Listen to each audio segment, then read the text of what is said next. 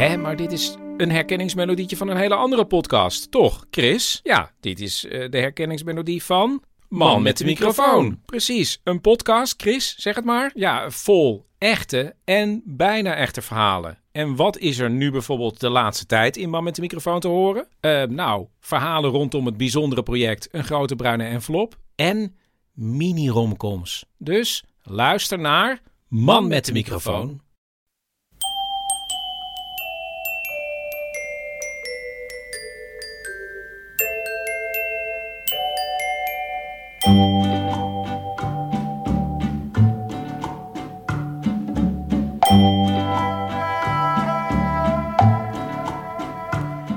Welkom bij aflevering 8 van de Echt Gebeurd podcast, waar waargebeurde verhalen worden verteld door mensen die het zelf hebben meegemaakt.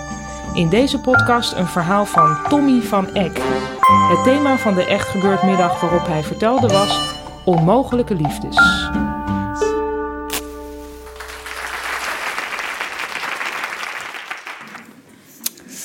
Ik ben getrouwd met een diplomaat. Uh, dat wist ik al uh, langer dan, dan uh, vandaag. Want uh, ik ken hem al heel lang en, en hij wil al sinds zijn veertiende diplomaat worden. want hij weet de dingen altijd heel zeker in zijn leven. En ik niet, ik weet de dingen helemaal niet zo zeker. En daarom dacht ik, of misschien mede daarom dacht ik anderhalf jaar geleden toen hij op het punt stond om dan echt diplomaat te worden. Want dat ben je natuurlijk pas als je uitgezonden wordt naar het buitenland. Door het ministerie van Buitenlandse Zaken. Uh, misschien omdat ik alles niet zo zeker weet, dacht ik toen bekend werd dat zijn eerste standplaats Bolivia zou zijn. Hé, ja, wat leuk, ik ga lekker mee. Uh, dat zou ik inmiddels niet zo snel meer denken, geloof ik. Ik ga een beetje uitleggen waarom dat is. Uh, Bolivia is een heel mooi land, maar het ligt ontzettend ver weg. Het ligt in de Andes voor een deel. En uh, de stad waar we wonen, dat was uh, La Paz. En dat ligt in, een, in een bergkom in die Andes op 3300 meter boven zee. en dat is dus allemaal. Als ik het nu vertel, dan lijkt het een, een, bijna een soort eilende koortsdroom. Terwijl het pas een paar maanden geleden is dat ik er voor het laatst was. En dat heeft met die ligging te maken. Uh, dat maakt alles natuurlijk heel extreem en absurd. En dat maakt het ook bij uitstek heel erg geschikt om je nogal verloren te voelen als je daar um, niet echt iets te zoeken hebt.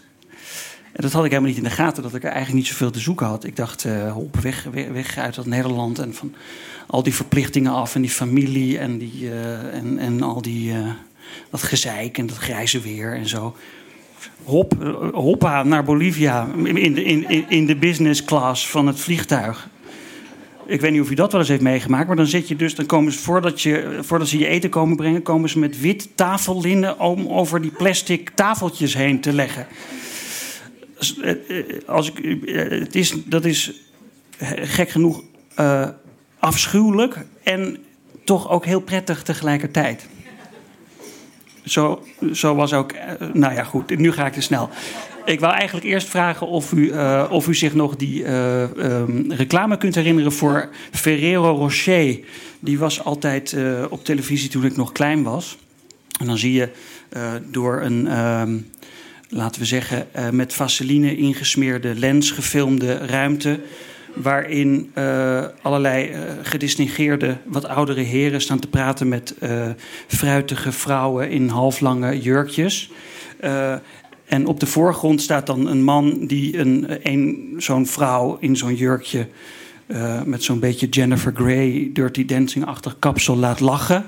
En die vrouw die doet dan op een gegeven moment, die, die barst echt in een soort schaterlach uit. Die doet ha ha ha ha ha. Zo. En dan op dat moment eh, maakt die man een beetje een overdreven uh, hoofdgebaar in de richting van een, een, een deuropening. Waarin een koboldachtige kleine kale homo met een getrimde baard klaar staat in, in uh, butlerkostuum. En die man die blijkt een dienblad in zijn hand te hebben met daarop een piramide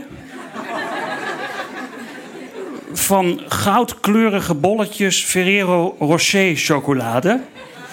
En dan uh, hoor je dus die muziek, dat gaat zo. La la la la la la la la la. La la la la la la la la la la. La la la la la la la la la la la la la la la la la De recepties van de ambassadeur kenmerken zich door hun uiterste verfijning en smaak. En dan komt die man met dat dienblad die ruimte in. Ik dacht uh, dat uh, diplomatieke leven er ongeveer zo uit zou zien.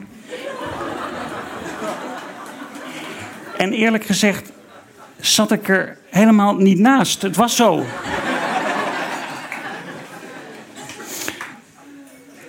Alleen het enige vervelende is dat je de indruk hebt als je die ruimte op televisie ziet, dat zich aan de andere kant van, de, van die mahoniehouten uh, uh, muurbekleding uh, een wereldstad bevindt. Dus Berlijn of, of New York of zo. En bij mij was dus aan de andere kant van die deur, het was dus een beetje Joop Doderer effect dat je dus dat daar weggaat uit dat diplomatieke leven. En dan in die bergkom staat in de Andes met uh, niks.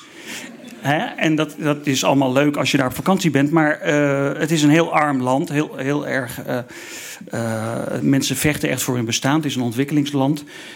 dus ik, ik voelde me daar vooral heel erg bezwaard over dat wij geacht werden daar chic te doen. Uh, dat is op zichzelf al vervelend als je het niet zo voelt. Maar het wordt nog eens extra benadrukt als je dat in zo'n soort uh, land moet doen. Vond ik tenminste. Uh, nou ja, ik had allerlei, alle, alle gelegenheid om me dus ontzettend ontheemd en vervreemd te voelen. En die nam ik uitgebreid te baat, helaas. Dus ik, ik, ik ging me daar een beetje. Ik, heb het daar een half jaar heel prettig gehad. We een prachtig huis. Een beetje zo'n roze Golden Girls-achtig huis. Met vitrage, wapperende vitrage. En, en twee open haarden en een tuintje en zo. En op een gegeven moment vond ik een hond. Ik wou graag een hond.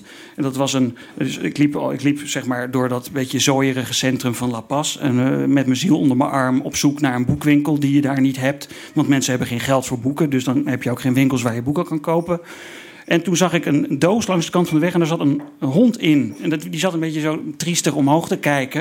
Een beetje zo'n rood, kortharig uh, ratje. Dat, was, dat is mijn tackle Jan. Die wou ik niet vergeten vanmiddag. Die, die heb ik daar gevonden. Dus dat was allemaal leuk en aardig. En op een gegeven moment ging ik op een dag naar yoga. Je moet wat? En toen uh, kwam ik uh, onderweg. Dat moest in de auto, want niks is op loopafstand. En bovendien kunnen er allemaal dingen gebeuren onderweg als je gewoon gaat lopen. Dus ik ging in de auto daar naartoe. Een beetje Ferrero Rocher, geef ik toe. Maar het was zo. En toen kreeg een auto-ongeluk onderweg. Ehm, dat was verschrikkelijk raar. Er kwam ineens een Mercedes uit de jaren 60. Zo'n hele mooie, chique auto met veel chroom, helemaal opgepoetst. Zoals je dat voorstelt in zo'n Zuid-Amerikaans land. En die, die reed zijn auto totaal los op mijn, op mijn auto.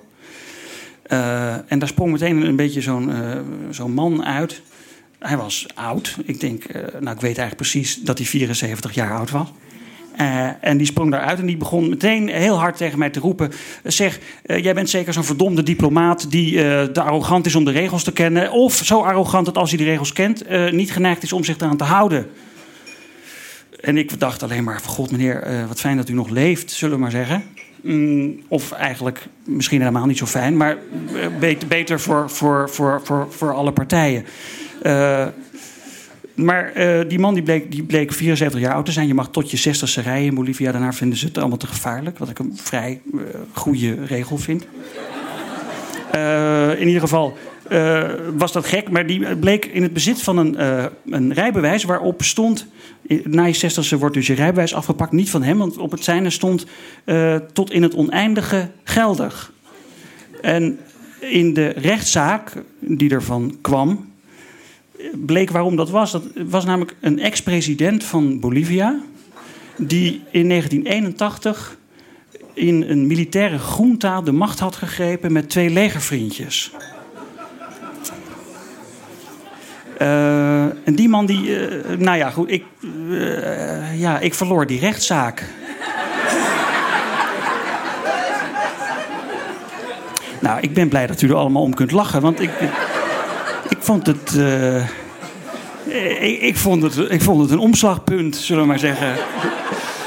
Uh, maar maar uh, ja, dus daar was, nou ja, goed. In ieder geval um, dacht ik toen, ja, dit is, dit, is, dit is een teken of zo. Ik, dit, is, dit kan niet waar. Het is een klein. Het, ik moet hier vandaag iets vertellen dat echt gebeurd is. En, en ik verzeker u dat ik het niet verzonnen heb. Maar ik vind het zelf ook moeilijk te geloven.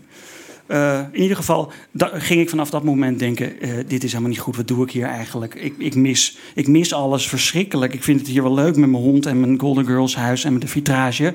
Maar uh, waar is de Volkskrant? En waar is de Hagelslag? En waar is mijn moeder? En ja, ja. Die was namelijk heel ver weg. Um, en, uh, nou, en, maar toen werd ik dus verdrietig en alleenerig en zo. En toen dacht ik, ja, jezus, maar ik wilde ook niet meteen opgeven. Want het is de jeugddroom van mijn man. Dus ik dacht, ik ga niet meteen klagen en zo. Want hij wil dit en hij, hij, vond het ook allemaal enig, vindt het nog steeds enig. Maar, uh, en hij trok dat helemaal niet. En toen zijn we, denk in twee weken tijd, volkomen uit elkaar gegroeid. We gingen niet meer praten. Het was allemaal. Ik, ik, ik, ik, ik, ik liep een beetje zo grijnzend zo door het huis. Eh, van wat, ik vind het wel leuk, ik vind het wel heel erg leuk om hier te zijn. En hij trok het niet. En, en, dit is eigenlijk een beetje een tragische noot, maar hij werd echt verliefd op iemand anders. Ja. Uh, en nu uh, is het, uh, is, ben, toen ben ik gevlucht met, met Jan, de tackle, in het vliegtuig. Uh, via uh, Peru moesten we vliegen, waar toen... Uh, nou, dat is, nou, dat, dat, dat, is niet zo interessant om het nu te vertellen. Nou, daar zat, dus, kwam net op die dag Joram van der Sloot. Nou ja, goed. nou ja. En toen, maar in ieder geval, ik ben dus in Amsterdam. En nu komt de pointe, het gekke aan dit verhaal. Dat is dat ik namelijk dolgelukkig ben. Ineens. Omdat ik niet beseft heb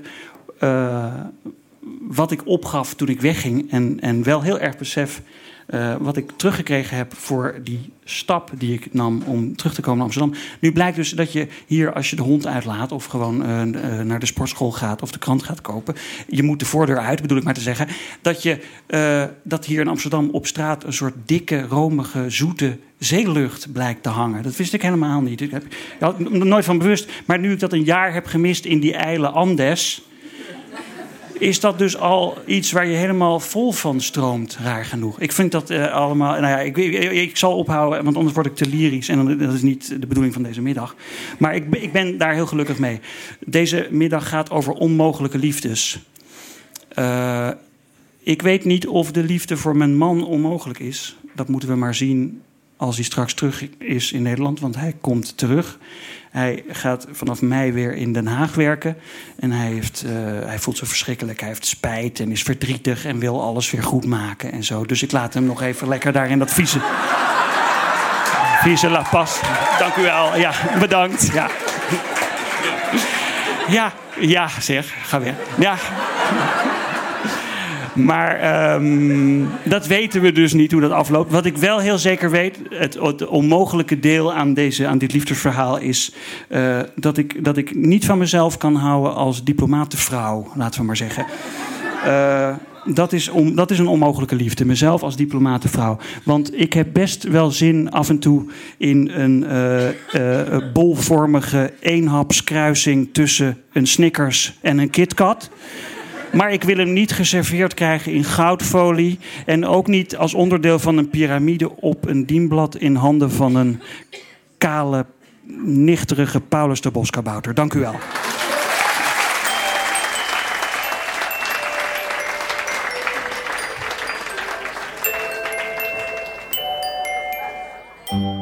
Dat was Tommy van Eck. Tommy heeft geen podiumervaring, maar zoals u hoorde kan hij van nature prachtig vertellen.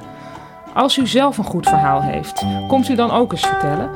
U mag ook komen voorlezen uit uw puberdagboek. Of u kunt gewoon als publiek naar onze middagen komen.